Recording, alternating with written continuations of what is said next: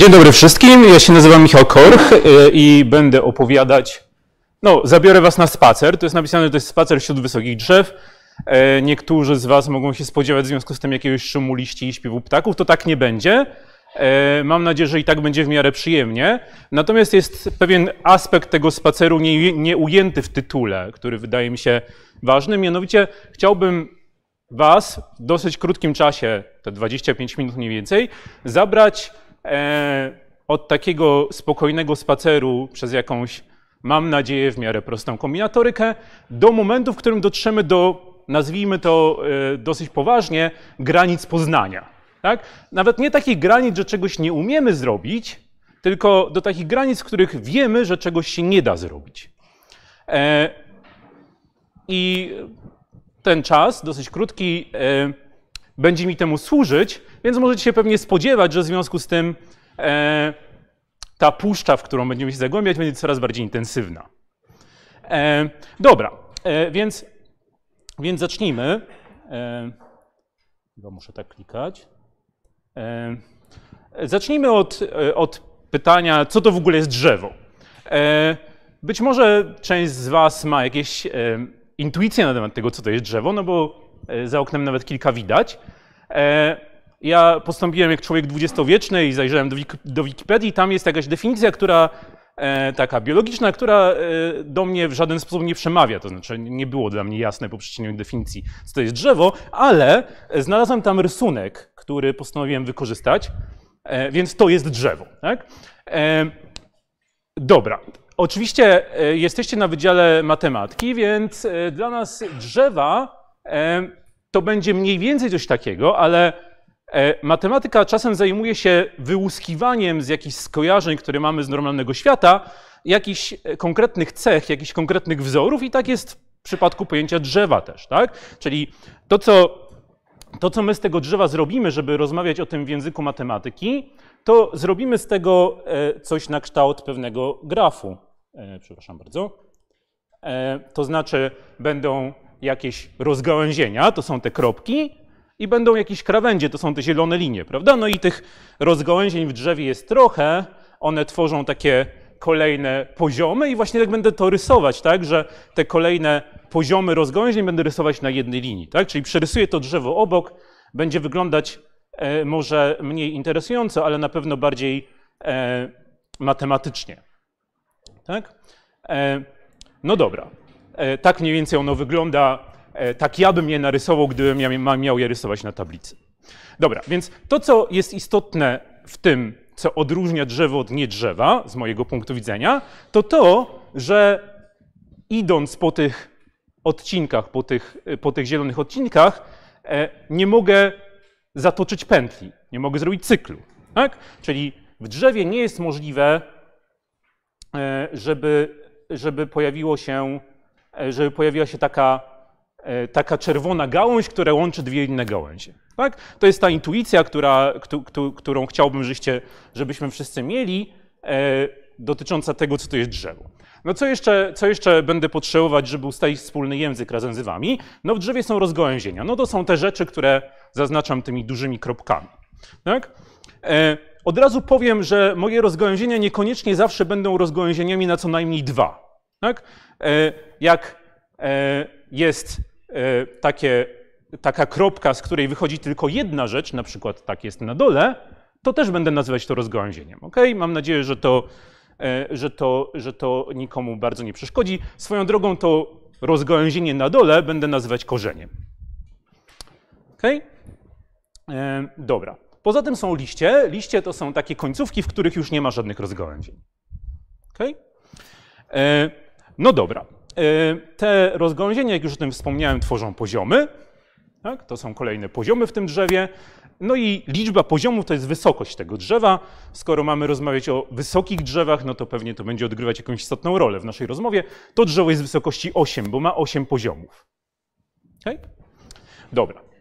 E, E, co jeszcze powinienem powiedzieć? A powinienem powiedzieć, że e, mogę e, kolejne, kolejne rozgałęzienia, kolejne, kolejne te zielone, zielone krawędzie wychodzące z danego rozgałęzienia oznaczać kolejnymi liczbami. Na przykład 0, 1, 2. Tak? Jak zrobię tak wszędzie, tak? no nie zrobiłem tego zupełnie wszędzie, w sensie narysowałem tylko w kilku miejscach, to zauważę, że każde rozgałęzienie w moim drzewie ma swój adres złożony z ciągu liczb.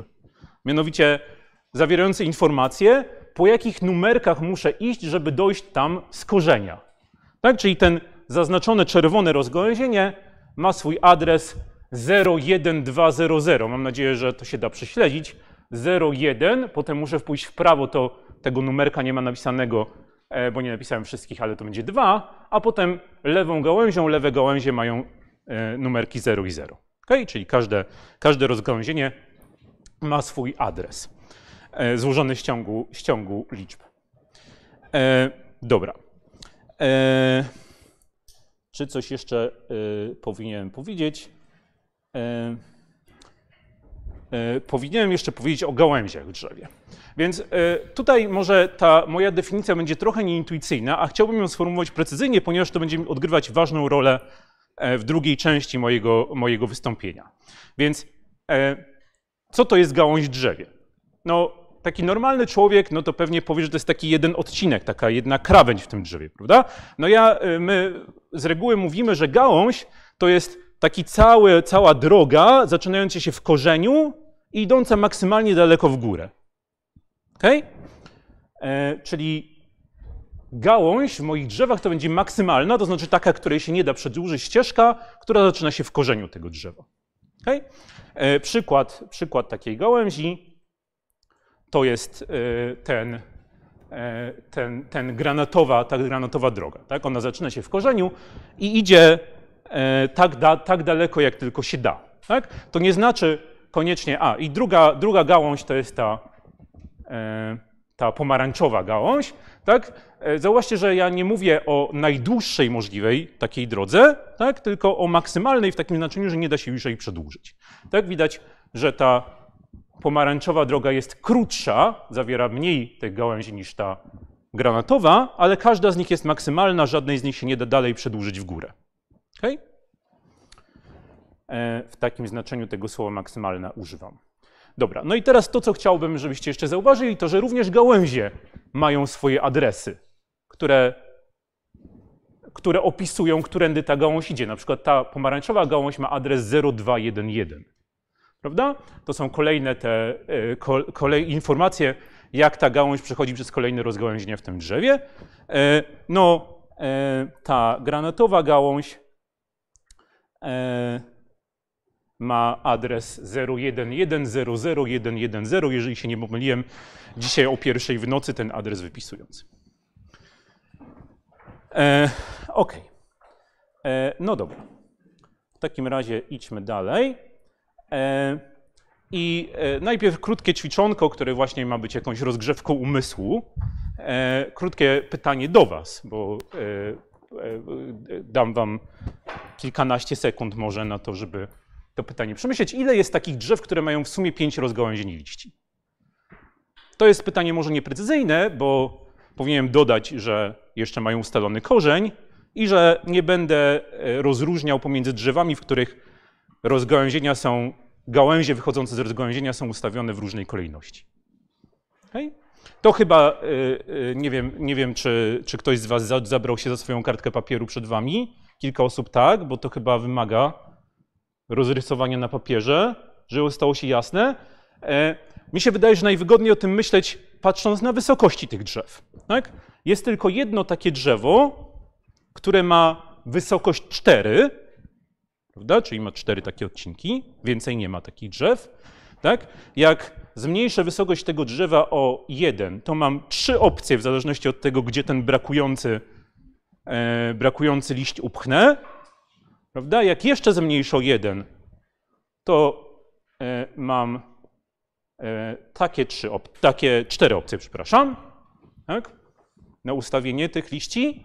No i w końcu jest ostatnie jedno drzewo o wysokości 1 i to są chyba wszystkie takie drzewa. Dobra. E, no ale e, umawialiśmy się, że będziemy rozmawiać o wysokich drzewach, więc musimy zacząć tworzyć jakieś wyższe drzewa niż o wysokości 4. Tak? Więc porozmawiajmy sobie najpierw o pełnych drzewach binarnych. Co to jest pełne drzewo binarne? O wysokości jakiejś, tak? o wysokości n powiedzmy. To jest takie drzewo, które każde rozgałęzienie jest rozgałęzieniem na 2 i na wszystkich poziomach od 0 do n 1 jest każde możliwe rozgałęzienie na 2. Tak? Czyli takie drzewo, pełne drzewo binarne o wysokości 1 wygląda tak. Ma jedno rozgałęzienie na 2. No? E... Dobra, będę taką tabelkę tworzyć. E... O, widzę, że jednak e, nie wszystko, co, co jest na moim slajdzie, jest wyświetlane. Dobra, więc powiem, co jest w tej tabelce, bo e, wiersz, w którym napisałem, co jest co, się nie wyświetlił. E, więc to jest liczba, wysokość tego drzewa. Tutaj, w tej kolumnie, będę zliczał liczbę rozgałęzień w tym drzewie. Okay? To drzewo ma tylko jedno rozgałęzienie. Okay? W następnej kolumnie e, będę e, w następnej kolumnie będę pisał o liczbie gałęzi w tym drzewie. To drzewo ma dwie gałęzie, a ostatnia kolumna to będzie po prostu iloraz tych dwóch kolumn. Okay? No dobra. E, no więc teraz bierzemy drzewo o wysokości 2, tak? drzewo o wysokości 2, jak mam nadzieję widać na moim rysunku, ma trzy rozgałęzienia i cztery gałęzie. Tak? Czyli ten iloraz wychodzi 3 czwarte. Drzewo o wysokości 3 ma 7 rozgałęzień i 8 gałęzi. Tak? No dobra, mniej więcej widać do czego zmierzam, prawda? Mianowicie, jak będę miał drzewo wysokości n, no to ile jest tych rozgałęzień? Czy ktoś z sali na przykład chce mi powiedzieć, ile ich wyjdzie?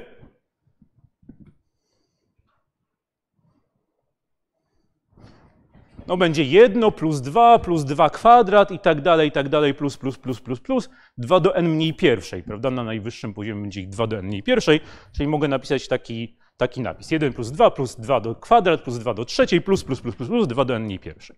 Prawda? Na kolejnych poziomach mam kolejne potęgi dwójki tych rozgałęzień. No dobra, no to ile to jest w sumie, się zastanówmy przez chwilę. No popatrzcie, jak dodam jeszcze jedną jedynkę na początku, tak, to to wszystko się ładnie zwinie, no bo 1 plus 1 to jest 2, a 2 plus 2 to jest 2 do drugiej, a 2 do drugiej plus 2 do drugiej to jest 2 do trzeciej, a 2 do trzeciej plus 2 do trzeciej to jest 2 do czwartej i tak dalej, i tak dalej, i tak dalej. Jak to pozwijam do końca, to się dowiem, że jak dodałem tą jedną jedynkę, to mi wyjdzie już 2 do n tej. Prawda? Czyli w takim razie bez dodania tej jedynki to jest 2 do n tej minus 1 i teraz doskonale widać, że nie wszystko na moim slajdzie się wyświetla. E, no dobra. E, więc, e, no a gałęzi, no to, to już chyba wszyscy mi uwierzą, patrząc na te kolejne liczby, że ich jest po prostu 2 do n tej. Dobra.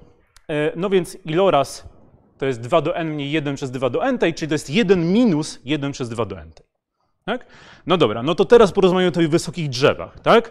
No to widać, że im wyższe drzewo, tym ten iloraz jest bliższy jedynce.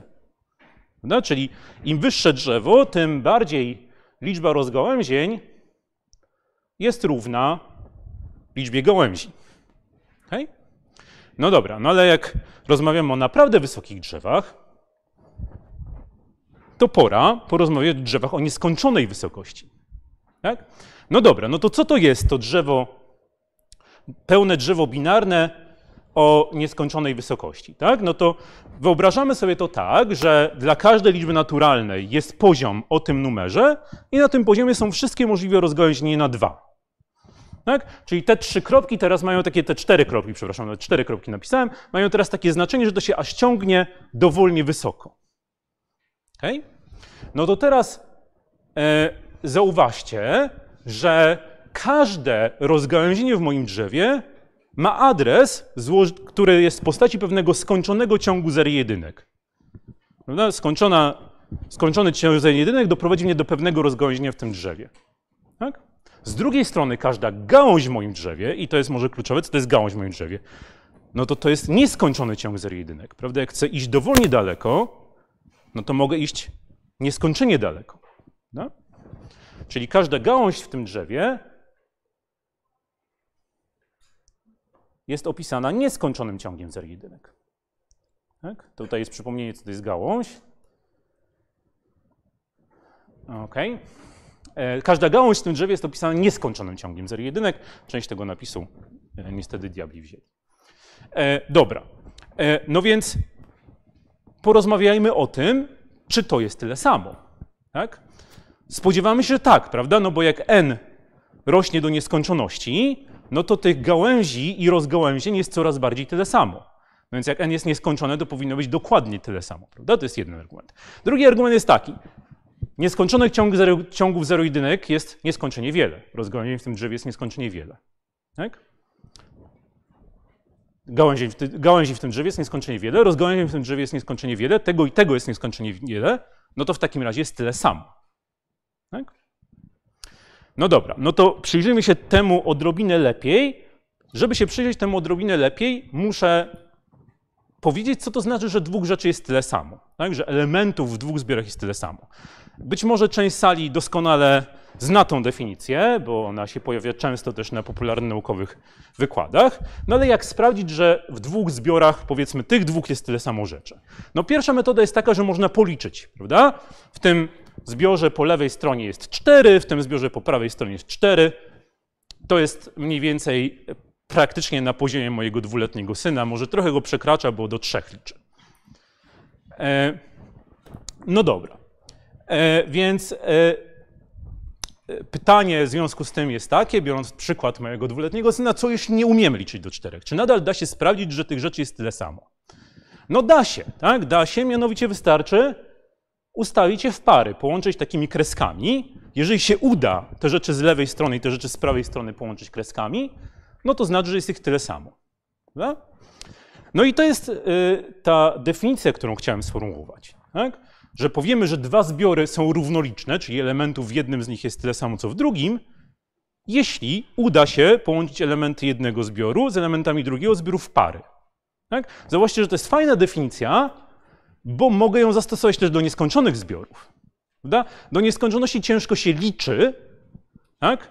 ale łączenie w pary elementów nieskończonych zbiorów mogę ewentualnie sobie wyobrazić. Okay? No dobra.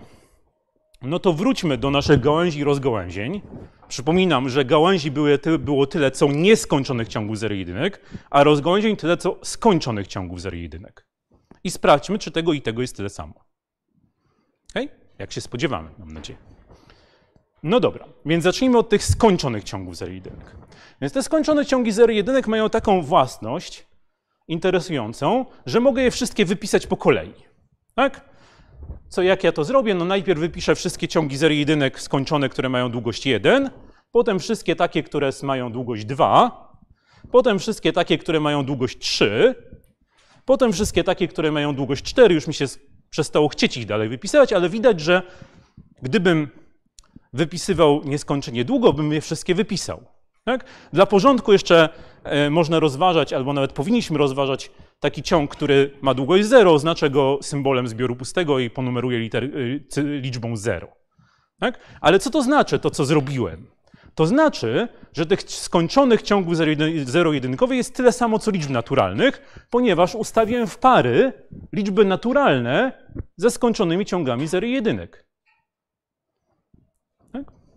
Ok, czyli pamiętamy, że w takim razie skończonych ciągów zero-jedynek, czyli rozgałęzień w moim drzewie, jest tyle samo, co liczb naturalnych. No dobra no to spójrzmy na nieskończone ciągi zero-jedynek, czyli na gałęzie w moim drzewie. I pytanie jest takie, czy w takim razie nieskończone ciągi zero-jedynek też mogę ponumerować kolejnymi liczbami naturalnymi? Czy ich też jest tyle samo, co liczb naturalnych? Załóżmy, że tak jest. Załóżmy, że się uda. No i skoro się udało, no to umiem je jakoś po kolei wypisać. Tak? Jakoś. Tak? Czyli Tutaj pierwsza kolumna są kolejne liczby naturalne, a każdej liczbie naturalnej przypisuję jakiś nieskończony ciąg zer jedynek. Hipotetyczny. Tak? No i teraz ja zrobię następującą dosyć złośliwą rzecz. E, mianowicie e, matematycy, jak są złośliwi, to patrzą na przekątną. E, no to spojrzę na przekątną i zrobię na złość. To znaczy wypiszę taki ciąg, zer jedynek, który jest dokładnie odwrotny do tego, co widzę na przekątnej. Jak na przekątnej widzę 0, to napiszę 1, jak widzę 1, to napiszę 0. Czyli wypiszę jakiś taki ciąg, tak? Na mojej, w mojej przykładowej tabelce na przykładnej widzę 0, 1, 1, 0, 0, to ja wypiszę taki ciąg, który ma 1, 0, 0, 1, 1, czyli dokładnie na odwrót. Tak? No i teraz zauważcie, że jakakolwiek by ta moja nieskończona tabelka nie była, to mam gwarancję, że ten złośliwy ciąg nie pojawia się na żadnym miejscu w tej tabelce. Dlaczego? Nie pojawia się na tym zerowym miejscu, bo różni się tą cyfrą od tego, co się pojawia w zerowym miejscu. Nie pojawia się na tym pierwszym miejscu, bo różni się tą kolejną cyfrą od tego, co się pojawia na pierwszym miejscu. Nie pojawia się na kolejnym miejscu, bo różni się tą cyfrą od tego, co się pojawia na kolejnym miejscu. I tak dalej. On się różni jedną cyfrą od każdego ciągu wypisanego w tej tabelce. Tak? No w związku z tym nie ma go w tej tabelce, czyli próbując wylistować wszystkie ciągi zero-jedynkowe nieskończone, nie udało mi się na pewno wylistować wszystkich, bo nie wylistowałem tego. Tak? Wniosek z tego, że nie jest to możliwe. Nie da się wszystkich ciągów, wszystkich nieskończonych ciągów zero-jedynkowych ponumerować liczbami naturalnymi. Jest ich, te dwa zbiory nie są równoliczne. Nieskończonych ciągów zero-jedynkowych, wbrew naszej początkowej intuicji, że tej gałęzi powinno być tyle samo, co rozgałęzień, jest więcej. Tak? Czyli to nieskończone drzewo binarne ma więcej, e, ma więcej gałęzi niż, e, niż rozgałęzień. To twierdzenie nazywa się twierdzeniem Kantora.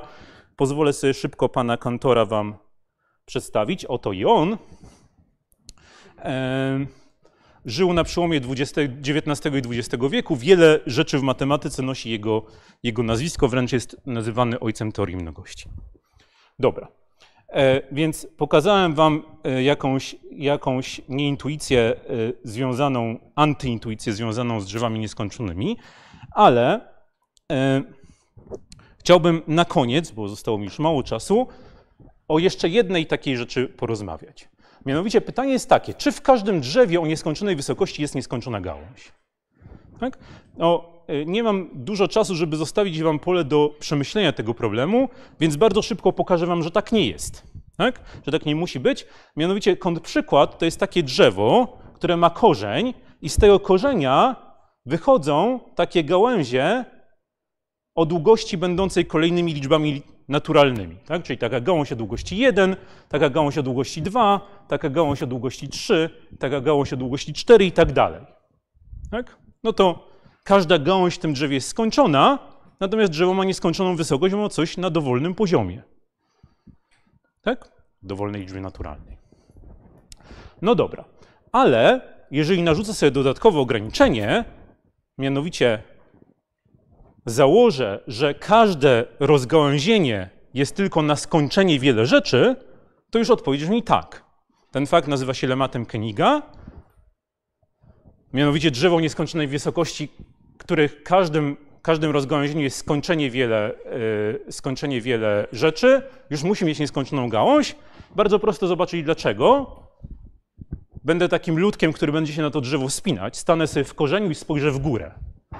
Tak? Jak stanę w korzeniu i spojrzę w górę, to zobaczę nad sobą nieskończenie wiele rozgałęzień, bo to drzewo jest nieskończonej wysokości. Skoro tylko skończenie wiele rzeczy wychodzi z tego korzenia, no to nad którymś z tych skończeń wielu odcinków jest nadal nieskończenie wiele rzeczy. To tam idę. Tak? No i patrzę tutaj w górę. Mam nad sobą nieskończenie wiele gdzieś tam w górze tych rozgałęzień, ale tylko skończenie wiele odcinków. Nad którymś z nich musi być nieskończenie wiele rzeczy, więc tam idę tak, i tak dalej. I jak będę tak szedł, to stworzę tą nieskończoną gałąź. E, dobra. E, przy okazji, no oczywiście to drzewo nie ma tej cechy, tak? Tutaj jest, z tego korzenia wychodzi nieskończenie wiele rzeczy, tak? Więc to, e, więc to się zgadza. E, dobra.